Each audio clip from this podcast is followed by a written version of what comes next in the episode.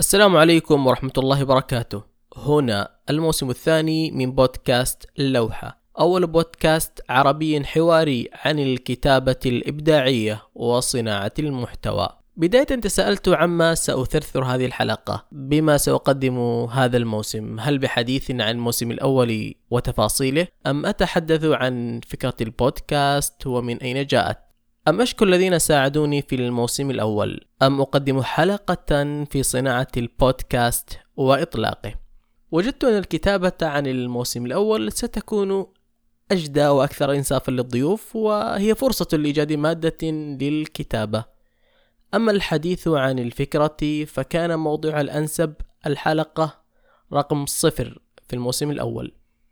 أما تقديم حلقة عن صناعة البودكاست فسأقدم دورة لكم مستمعي بودكاست لوحة كشكر وعرفان. وعلى ذكر الشكر فإني أشكر الصديق الذي ساعدني كثيرا كثيرا فلولا جهوده ودعمه بعد توفيق الله. لكان هذا البودكاست مجرد فكرة تبقى حبيسة في مذكرة الجوال كغيرها من الأفكار الكثيرة. إنه صديق عبد الله بزرعة مدير منصة أوديو كتاب. وكذلك أشكر الدكتور غسان النويمي وكيل عمادة شؤون المكتبات بجامعة الملك عبد العزيز. وأشكر الصديق عبد الكريم الزهراني. وأشكر أيضا شيخنا الدكتور مع صفوات والصديق محمد عثمان على دعمهما وتشجيعهما الكثير. وأشكر جميع الرفاق.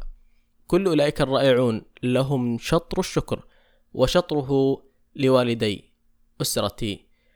عصاي التي أتوكأ عليها إذ تميد بي الأرض وكثيرا ما تفعل هذا. أنا مدين لبودكاست لوحة بالكثير فقد عدت الكتابة وتعلمت التحرير الصوتي وطبقت ما تدربت عليه من مهارات الإعداد والتقديم. أرغمتني لوحة على مزيد من القراءة ومتابعة الإصدارات والاقتراب أكثر من الساحة الثقافية والأدبية. هذا البودكاست منذ بدايته إلى الآن ما زال جهدا شخصيا أعمل كل شيء فيه أنفذ كل المهام عدا المهام التي لا أحسنها فإني أوكلها إلى غيري حتى أتعلمها.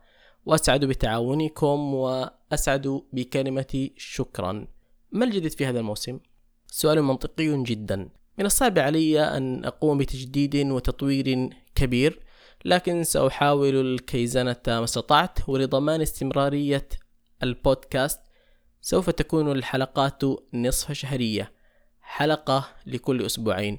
أيها المستمع الكرام أنتم الكنز الحقيقي فلا تبخلوا بنصائحكم باقتراحاتكم. وقبل الختام لدي هذا الخبر الحزين. أغلقت إدارة تويتر حساب بودكاست لوحة رغم أني قدمت الكثير من الالتماسات ولكن دون فائدة لذا لم يكن أمامي إلا أن أنشئ حسابا جديدا. أرجو متابعته والاشتراك في البودكاست وتقييمي في آيتونز. مع مشاركته مع من تظنونه مهتما بهذا. وتبقى الكتابة هي البوصلة.